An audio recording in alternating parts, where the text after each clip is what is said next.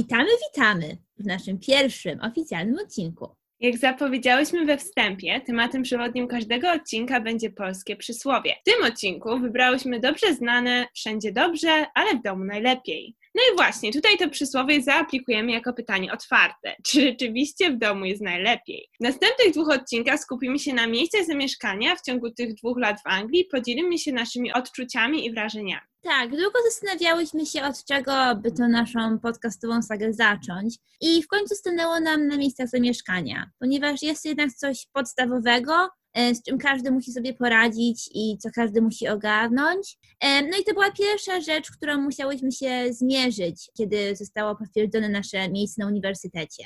I w tym odcinku cofniemy się do samego początku, czyli do pobytu w akademiku, e, który po angielsku nazywa się Hall, gdzie mieszkałyśmy w naszym pierwszym roku. No i może zaczynając od takich użytecznych informacji. To w większości uniwersytetów angielskich, no może poza Cambridge, Oxford i Londynem, to sytuacja wygląda tak, że na pierwszym roku większość ludzi się wprowadza do, ty, do tych holi, i tam ogólnie właśnie y, jest, jest impreza i orgia, tak podsumowując, bo pierwszy rok w Anglii zazwyczaj nie jest oceniany, więc ludzie w sumie mają w nosie naukę i po prostu, po prostu szaleją.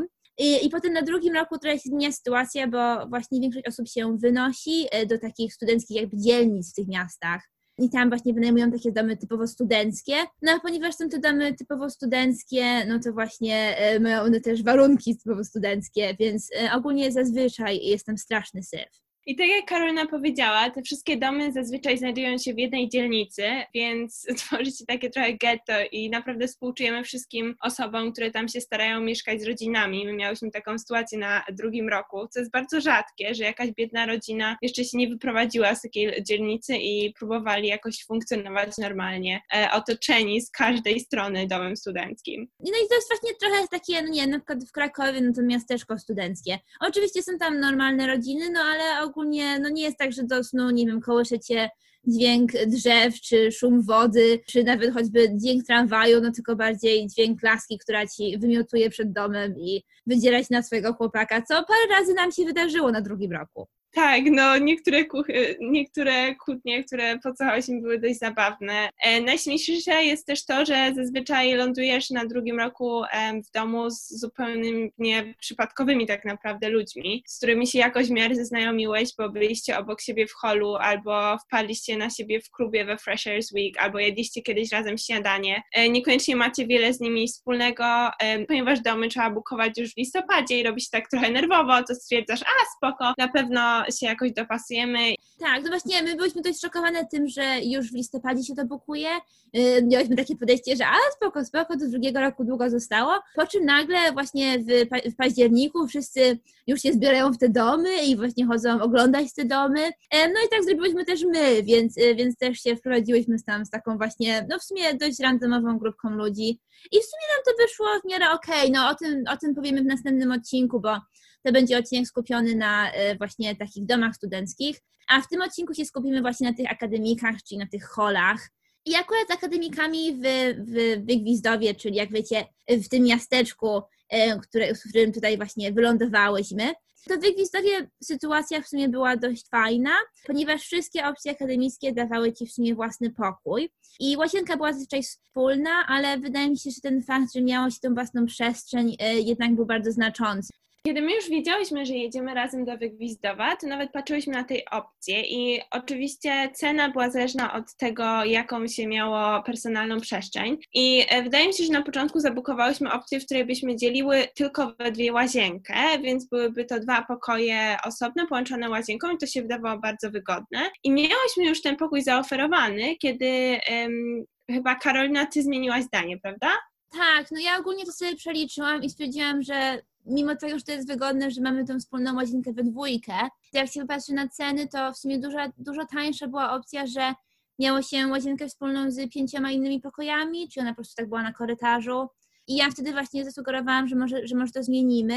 E, no i tak, no i wtedy właśnie co się stało, no to zmieniłyśmy i w jaki sposób ten algorytm komputerowy tego uniwersytetu tak to, tak to pokierował, że wylądowałyśmy w osobnych blokach. No i ten mój blok e, był ogólnie dużo fajniejszy niż, niż właśnie no, twój blok, Ola. Lekko mówiąc.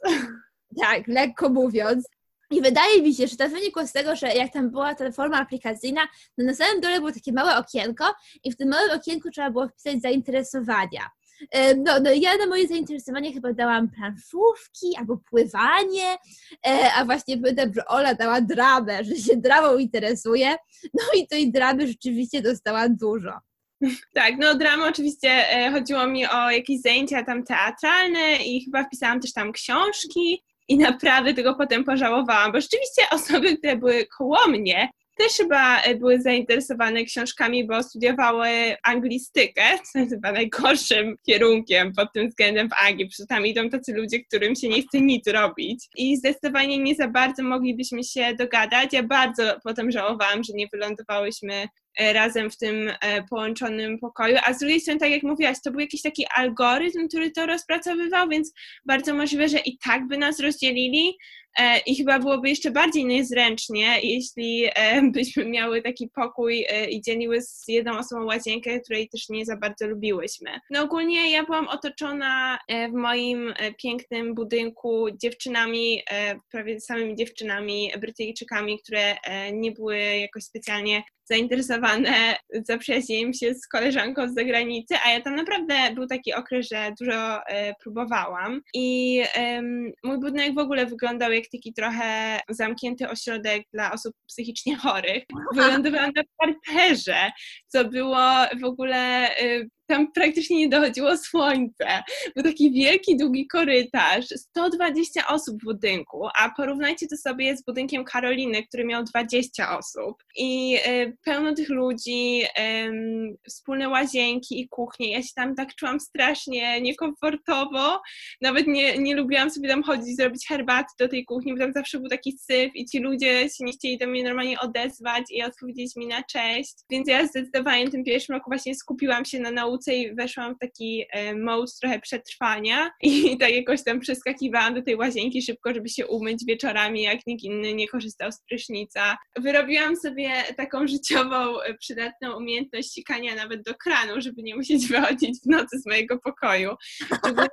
Ja nie, nie prezowałam dużo na tym pierwszym roku i wiele razy było tak, że po prostu oni wracali takimi wielkimi grupami bardzo pijani, wgawali w moje drzwi o drugiej w nocy i rzeczywiście no, czułam się jak taka, był taki syndrom trochę oblężonej twierdzy, więc cieszę się, że chociaż Karolina miała lepsze doświadczenie i fajniejszy budynek, bo tam trochę tak y, właśnie mnie zaadaptowała i dużo czasu tam spędzałam, żeby u siebie nie zwariować. Tak, no akurat z tym kranem to ja bym się nie wstydziła, bo ja czasami też sikałam do kranu, bo po prostu czasami się nie chciało wychodzić do tej łazienki, jednak na przykład, no nie wiem, śpisz w majtkach, to jednak musisz robić jakieś spodnie, bo coś na kogoś wpadniesz, więc akurat sobie nie masz się co wstydzić. Ale tak, no rzeczywiście Ola miała ten, ten budynek masakryczny. Y, ja pamiętam w jej kuchni był zawsze taki straszny syf i właśnie no ogólnie nie, nie przy nic tam chodziło. Ja nie lubiłam i czasami na przykład odbierać jakieś szłyśmy razem, bo były takie właśnie watachy tych, tych, y, tych Brytyjek, które tam czytowały w tym korytarzu. Nie wiem, czemu oni w tym korytarzu siedzieli, bo ten korytarz był rzeczywiście koszmarny, był taki ciemny, mały korytarzyk i wszyscy z jakiegoś powodu w nim siedzieli i jeszcze akurat wybrali sobie na taki, taki punkt, właśnie ten punkt zaraz obok drzwi Oli, więc była taka wataha hien, przez którą trzeba było się przedrzeć. No i nie, to było rzeczywiście koszmarne, więc ja Ci Ola bardzo współczuję. Ale przeżyłam i uczyniło mnie to mocniejszą. Ale tak, ale pamiętam że też, co jest ironiczne, to jak na pierwszym roku właśnie no, był ten pierwszy dzień w sumie i właśnie obie poznawałyśmy te osoby w tych naszych budynkach, to na początku się jeszcze wydawało, że u Ciebie te osoby są w miarę okej, okay, naprawdę starałam tam. Rzeczywiście ja chodziłam z nimi, tam do, też starałam się na posiłki, starałam się z nimi zagadać, właśnie co studiują i tak dalej, więc przez chwilę nawet na imprezy staraliśmy się jakoś tam z nimi chodzić, ale no nie dało się. Pamiętam na przykład jedna osoba swojego budynku, właśnie on się nazywał George i tutaj przytoczymy jego prawdziwe imię, bo, bo jest to tutaj doznaczące dla historii, ale właśnie na przykład z tym, z tym George'em to ja miałam strasznie przypołową sytuację. Właśnie to był pierwszy dzień i ja właśnie poznałam tę osobę w tym moim budynku i jak jakoś nie kliknęło zbytnio, więc właśnie stwierdziłam, a dobra, to pójdę się zobaczyć z Olą, no bo właśnie w sumie ty byłaś, no nie wiem, tak nie brzmiało to źle na początku. I właśnie poszłam się z tobą spotkać, no i ty siedziałaś właśnie w, w barze z tym George'em. Tutaj właśnie w ogóle też takie trochę e, tło tej historii, no to ogólnie w tym barze była bardzo głośna muzyka. I ja mam w sumie do tej pory z tym problem, jak jestem w Anglii i mówię po angielsku, że jak jest bardzo głośna muzyka, to ja po prostu ludzi nie rozumiem.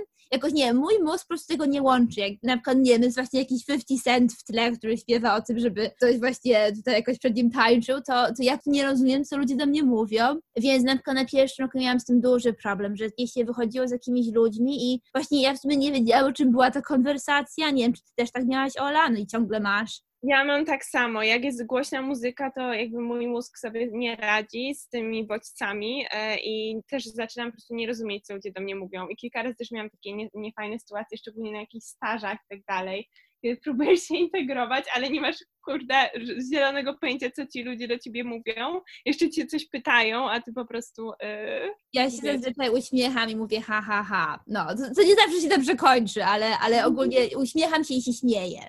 Tak jest jedyne wyjście w sumie. Tak, no ale właśnie, no ale podeszłam do, do Oli, do tego George, no i przedstawiłam się, że hej, jestem Karolina. No, no to ten George mi mówi, że hej, jestem Żydem. Oczywiście po angielsku. No i dobra, Wy, wy, no, słuchajcie, no ja jestem osobą tolerancyjną, ale nie miałam sytuacji, że jeszcze kogoś poznałam i on mi powiedział tak prosto z mostu, że jest na przykład chrześcijaninem, jakby ja znałam osoby bardzo religijne w Polsce i, i nikt się tak nie przedstawiał. Tak w sumie zamilkłam, bo mnie to szokowało, no rzeczywiście, no okej, okay, no jesteś Żydem, ale jak się nazywasz choćby? Powiedziałam, a, okej, okay. no i właśnie, no i na tym skończyłam. I potem w sumie wieczorem jeszcze na tym myślałam, no i stwierdziłam, a dobra, no Karolina w ogóle jesteś okropna, kurczę, chłopak jest dumny ze swojej wiary, to po prostu powinnaś go w tym wspierać. No ale właśnie, to nie był koniec. No nie, ale w ogóle ja pamiętam do sytuacji, że siedzieliśmy w tym barze, no i właśnie Karolina tak jakoś nieswojo wyglądała, tak jakoś się rozglądała i nie za bardzo uczestniczyła w tej rozmowie, się zmartwiłam o co chodzi. Nie, że ta rozmowa była jakaś super, bo ja już wtedy zaczynałam podejrzewać, że tutaj z pustego Salomon nie naleje i nie zaprzyjaźni mi się jakoś specjalnie e, z George'em, no ale wciąż jakby Karolina była aż, aż tak dziwnie cicha. Tak, to nie, nie wiedziałam, co do tego Żyda powiedzieć, no mówię, zatkało mnie. No ale właśnie, no ale potem jakoś chyba miesiąc później właśnie chyba byliśmy na obiedzie, no i tak właśnie rozmawiamy, no i Ola właśnie chyba ty wspomniałaś, że, że ona się obrączka, taki pierścień ma. E, no i właśnie, czy nie, czy to jest obrączka, czy, czy właśnie to jest jakiś sygnet. E, no ja wtedy właśnie powiedziałam, że no Ola, słuchaj, to pewnie dlatego, że on jest Żydem.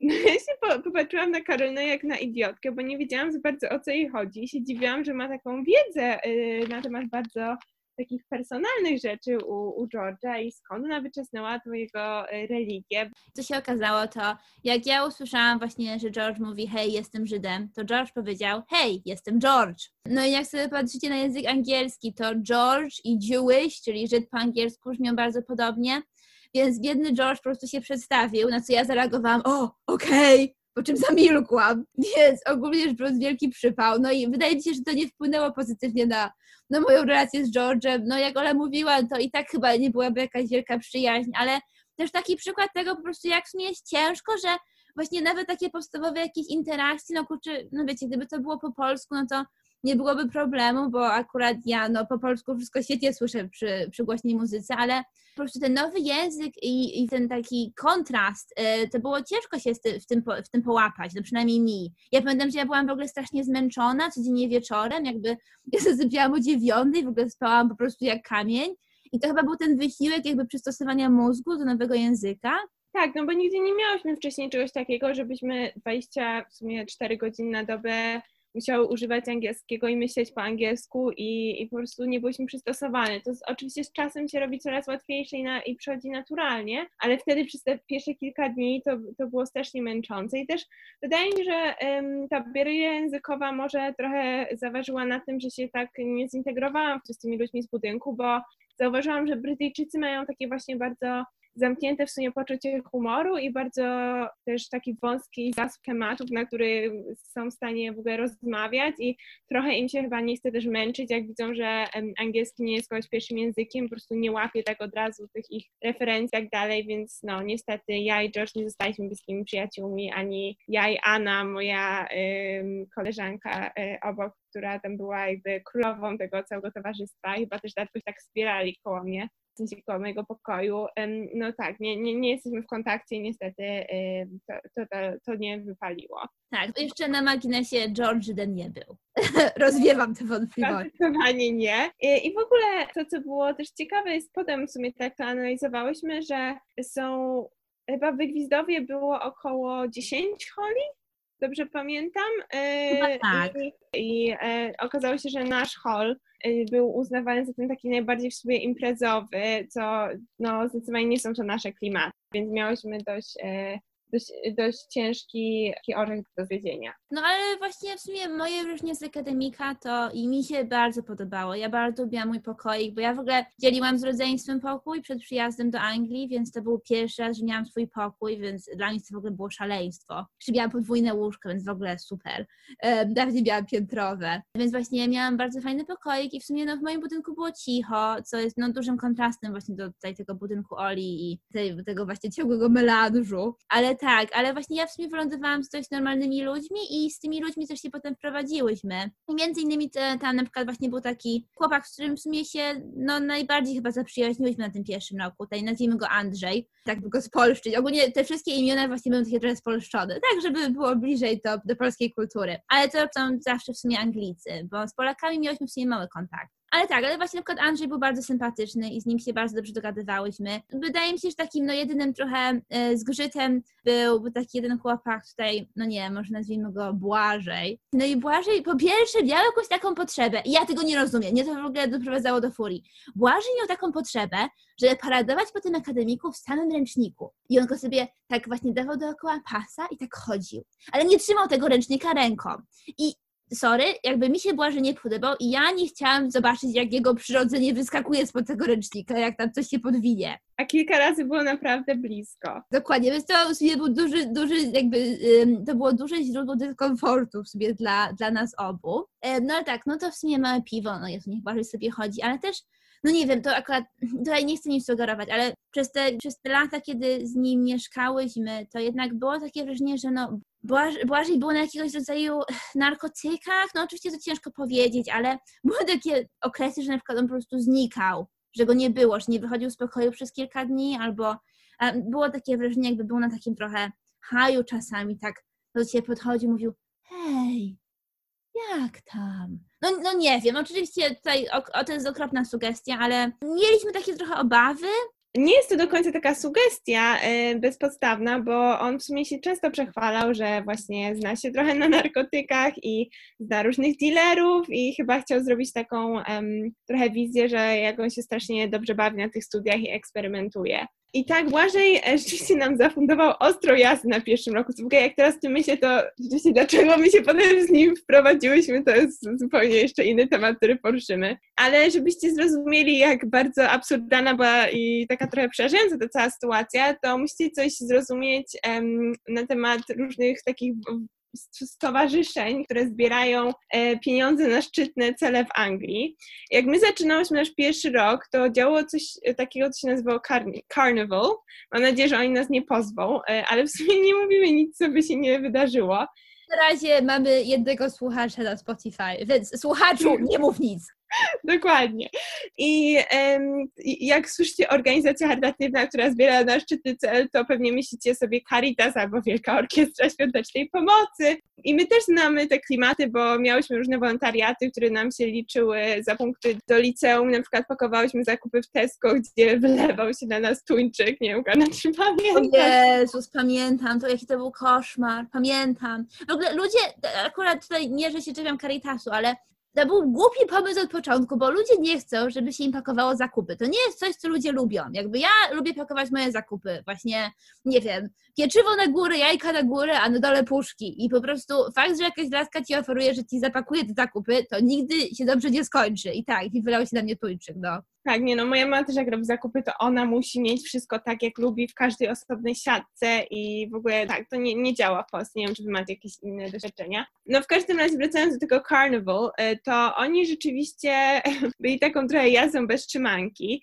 E, wozili studentów e, po kraju do różnych dużych miast autokarami i tam chodzili z puszkami i zbierali pieniądze na tam wybrany cel ale wszyscy dlatego się tak naprawdę zapisywali na to, nie, nie dlatego, że chcieli jakoś specjalnie pomóc finansowo, e, tylko po prostu w drodze powrotnej w tym autokarze były naprawdę ostre imprezy i co się tam nie działo. Tak, no właśnie. Ja miałam e, takiego kolegę, który też właśnie z jakiegoś powodu działał w tym karnewał, e, w sensie działał tam w tej, w tej ich części organizacyjnej.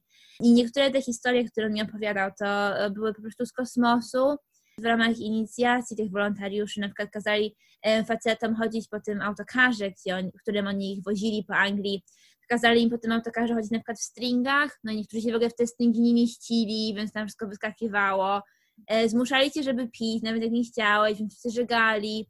I też nawet na przykład jak ci chciało sikać, to musiałeś czasami do butelki. Potem też ludzie te siki pili albo rzucali na siebie nawzajem, w ogóle masakra. E, no i tak, no i część z tego to oczywiście mogły być też jakieś ploski albo jakieś historie, no ale ogólnie nie, nie było wydaje mi się najlepszej kultury. No tak, tak czy inaczej, nie wiadomo, czy te wszystkie historie były prawdziwe, ale na pewno ostro tam imprezowali, co do tego nie ma e, żadnych złudzeń. No i właśnie Błażej jakoś się tam wkręcił.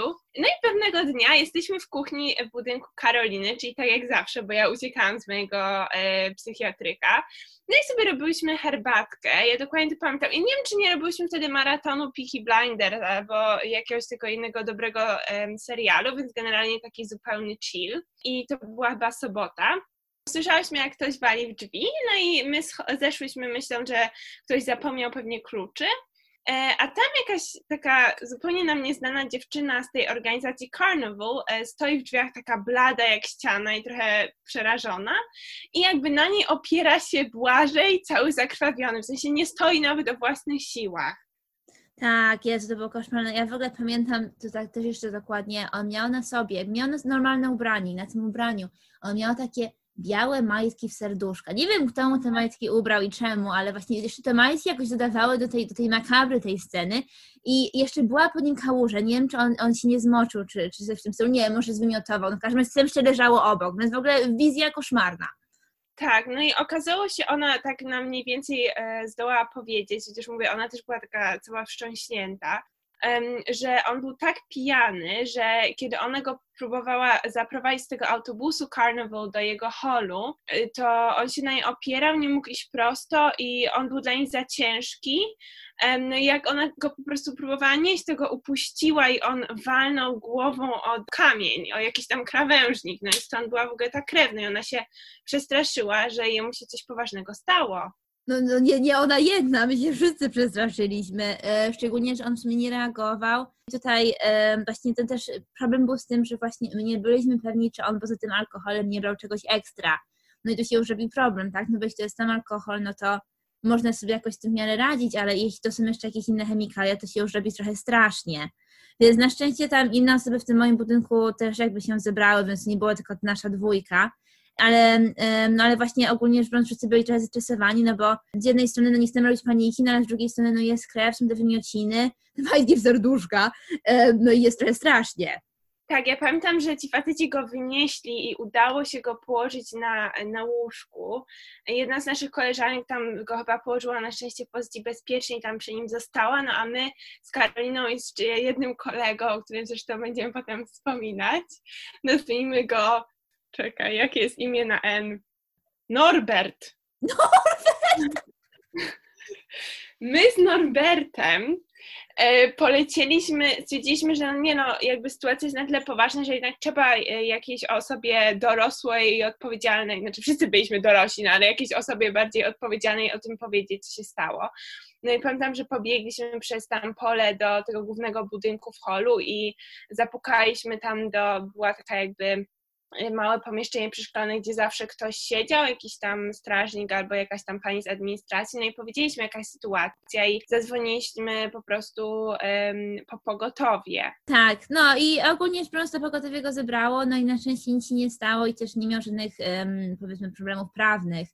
Ale, ale tak, no ogólnie było to stresujące też w tym sensie, że właśnie w sumie my byliśmy tymi dorosłymi, którzy mieli sobie z tym poradzić, no jakby Norbert zadzwonił po to pogotowie i tak dalej, ale to nie było tak, że mogliśmy zadzwonić do jego rodziców albo po prostu go odstawić do, do właśnie jego domu, po prostu byliśmy my i my z nim mieszkaliśmy i my byliśmy za niego odpowiedzialni, więc mnie to strasznie przestraszyło, że, że on robi takie przypały, a gdybym ja była sama w domu, to ja bym sobie z nim nie poradziła, bo on był za ciężki i ja, no ja sobie z takimi rzeczami nie radzę, no dlatego nie, nie poszłam na medycynę, no to są, to są takie fakty.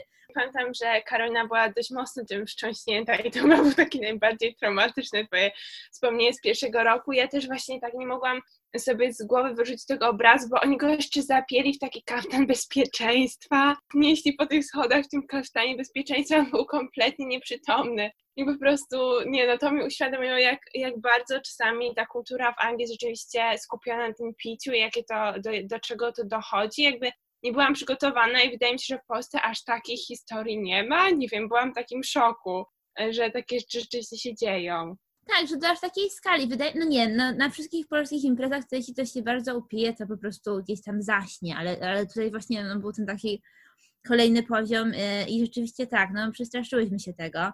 Ironicznie to w sumie właśnie w wyniku tego, o czym mówiliśmy też wcześniej, że jak się szuka tych domów, szuka się ich strasznie wcześnie, więc przed tymi wszystkimi wydarzeniami mi się już zgodziłyśmy mieszkać z nim, właśnie ze, ze wspomnianym Andrzejem e, i jeszcze takimi dwoma dziewczynami, tutaj nazwijmy je e, Kasia i Krysia.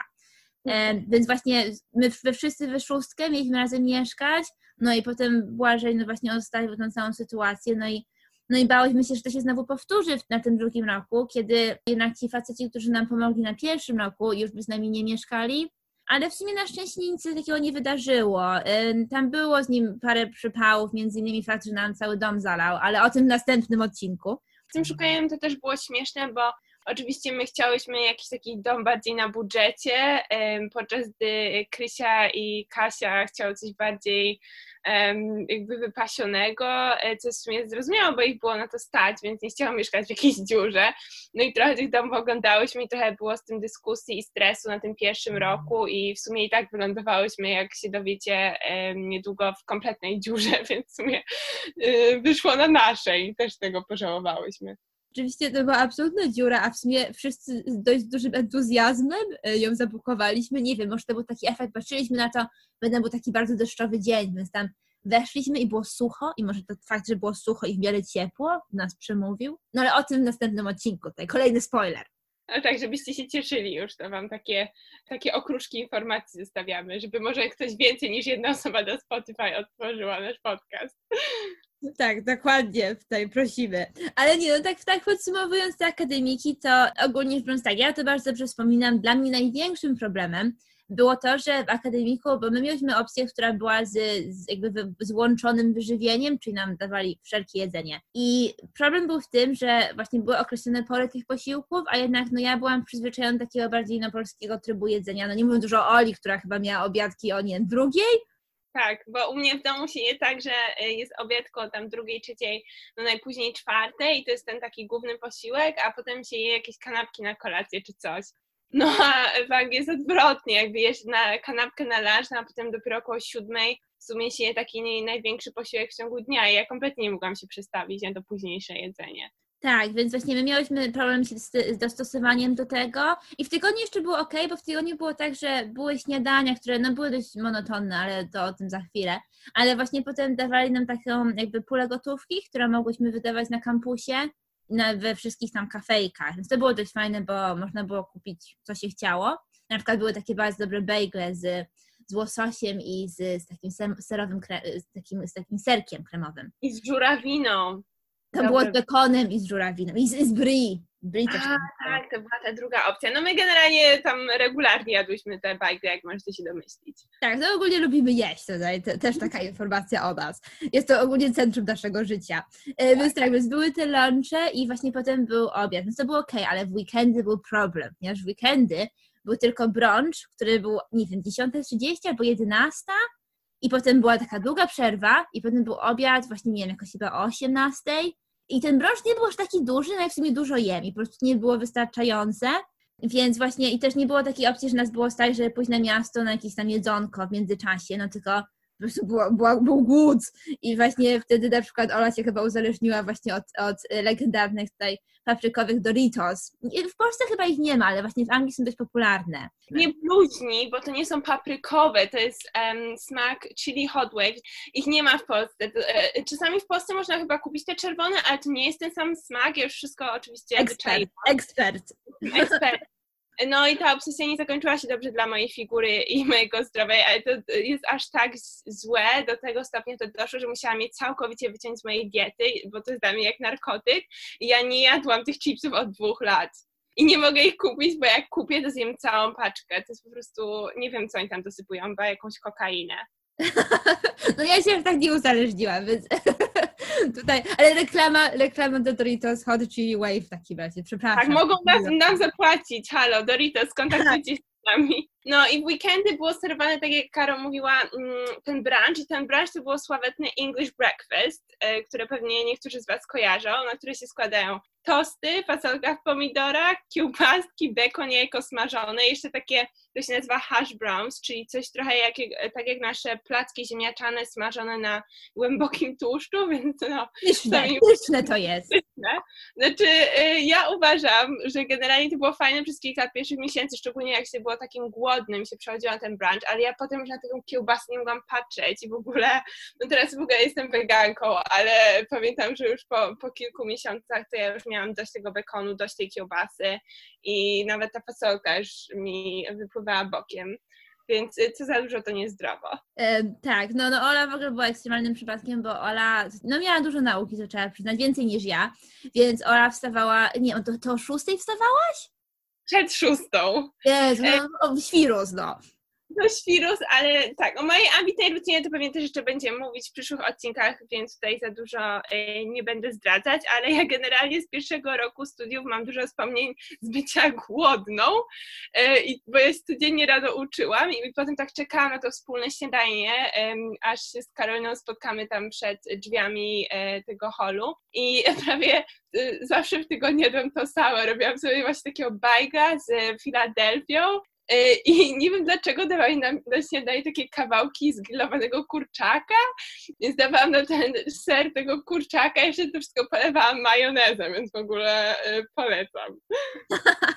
nie no, czasami, czasami był pomidor i to było takie szaleństwo, bo ogólnie, nie wiem, jakoś nie było za dużo warzyw w tych śniadaniach, ja jestem przyzwyczajona, że nie wiem, jest taka kanapeczka, no to, no nie wiem, maszynkę, serek, pomidor, szczypiorek, może ogórek kiszony. W mojej rodzinie jest kultura wypasionych kanapek, no a tutaj tak to masakra, no nic, no taki jakiś jeden szary pomidor więc y, do tego się trzeba było przyzwyczaić, no i tak, no i właśnie ja też jadam ten, tego kurczaka z majonezem. Strasznie ubogo było, jeśli chodzi o warzywa. No i jeszcze po tym wszystkim właśnie, no był ten e, lunch, który mogłyśmy zjeść jakoś w środku dnia, e, bo miałyśmy te pieniądze tej karcie. Chociaż z tym też jest taka śmieszna historia na przykład, bo Karolina, nie wiem, czy pamiętasz, jak ty się tak strasznie pod koniec roku rozchorowałaś i my miałyśmy takie ulubione miejsce też czasami, jak nie kupowałyśmy tych bagli, to chodziłyśmy po takie e, koktajle w głównym budynku, e, to tam te panie tak powolnie robiły, miksowały tam mrożone owoce z sokiem pomarańczowym i chyba z jogurtem.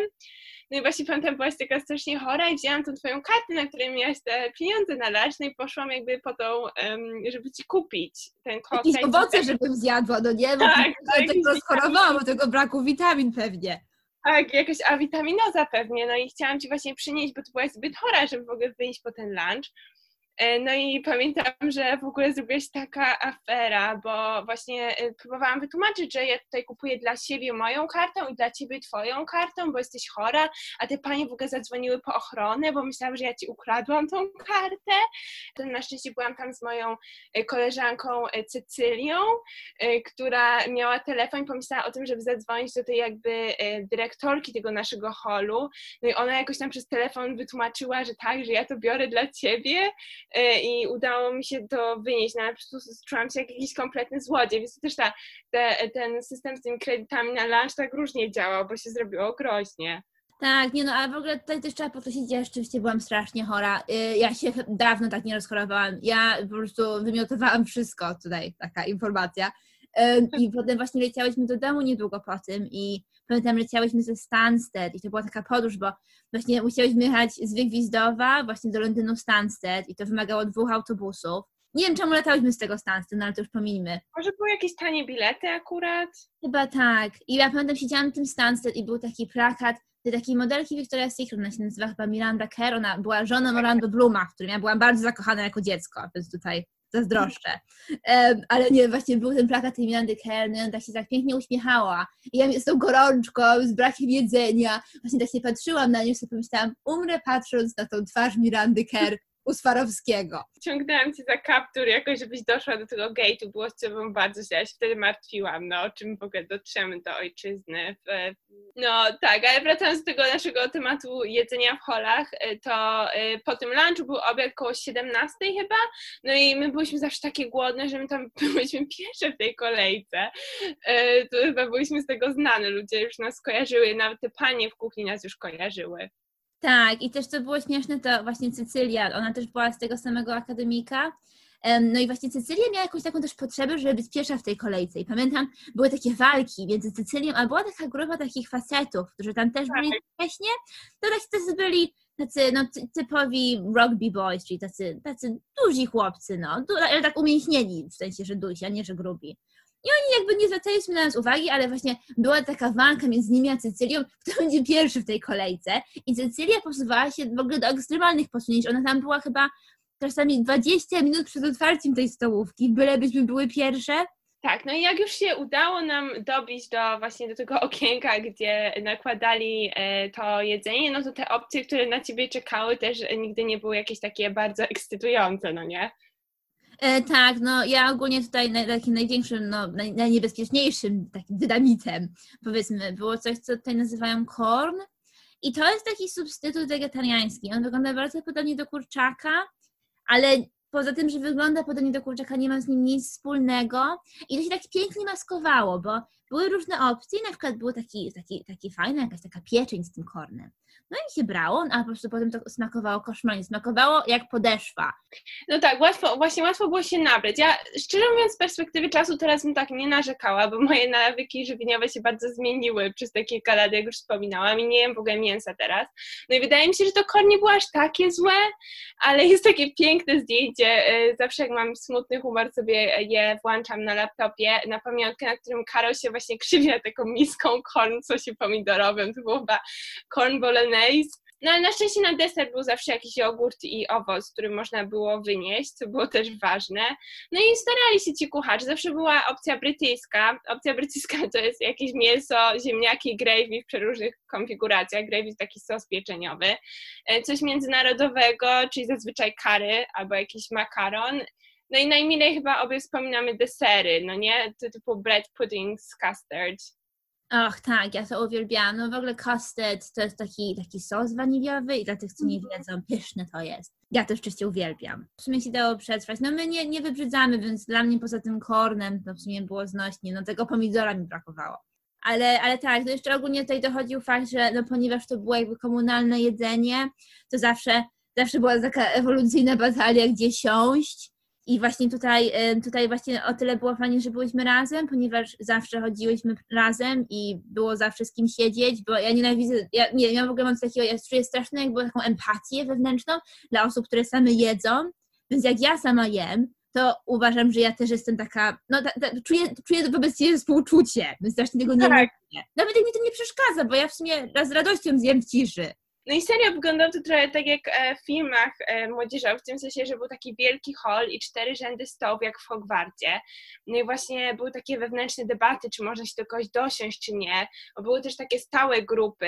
E, no i my, wydaje mi się, też byliśmy taką osobną kategorią tych takich badasów, znaczy lubię tak myśleć, że takich badasów, do których każdy się bał przysiąść, ale to chyba było bardziej tak, że byliśmy dziwne i z zagranicy i po prostu nie chcieliśmy jeść. Tak, bo Cecylia też była z zagranicy, tak by the way, więc to nie pomagało chyba.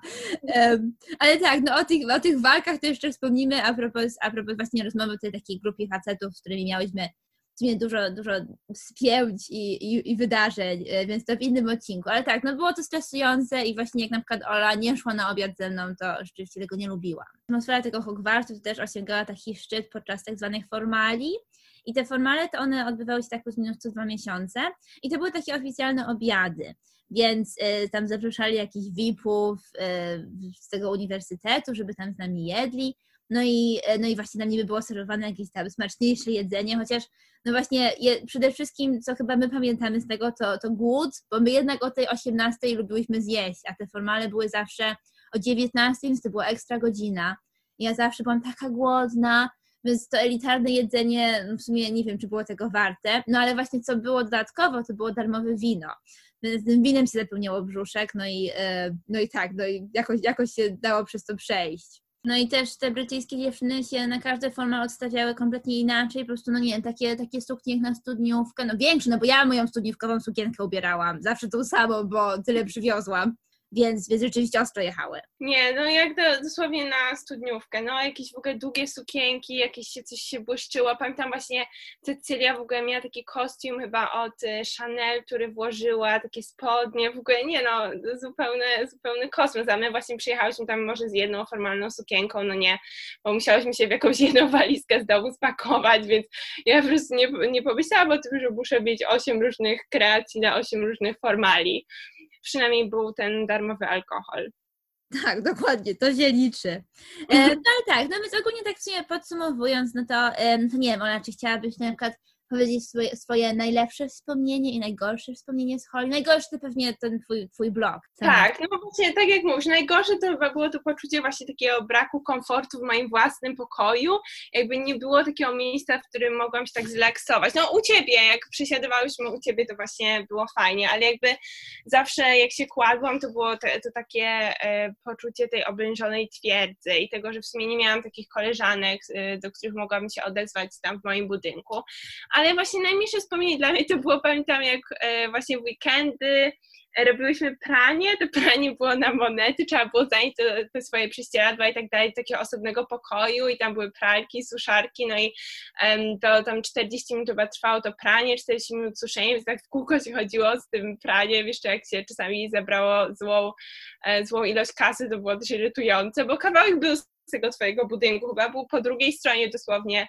Ale to było, wspominam to przyjemnie, właśnie chodziłyśmy z tym praniem, kupowałyśmy sobie po drodze te Doritos w tym automacie, oglądałyśmy sobie jakiś serial w swoim budynku i, i, i to całkiem spoko wspominam, oprócz tego jednego razu, kiedy właśnie była ta akcja z Błażejem, e, bo to trochę splamiło ten rytuał. I też bardzo miło wspominam e, właśnie te wszystkie panie z administracji, te panie sprzątające w tym holu. Rzeczywiście były przemiłe i zawsze się uśmiechały i... Tak, no właśnie tak, ja się zgodzę z tym praniem. To, no było w tym dużo ceregieli, ale też ta ekscytacja posiadania czystych rzeczy. Pamiętam potem to też suszyłyśmy, nie chciałyśmy płacić za suszenie, więc to suszyłyśmy w naszych pokojach, więc był taki trochę tabun cygański przez kilka dni, jak to, jak to schło.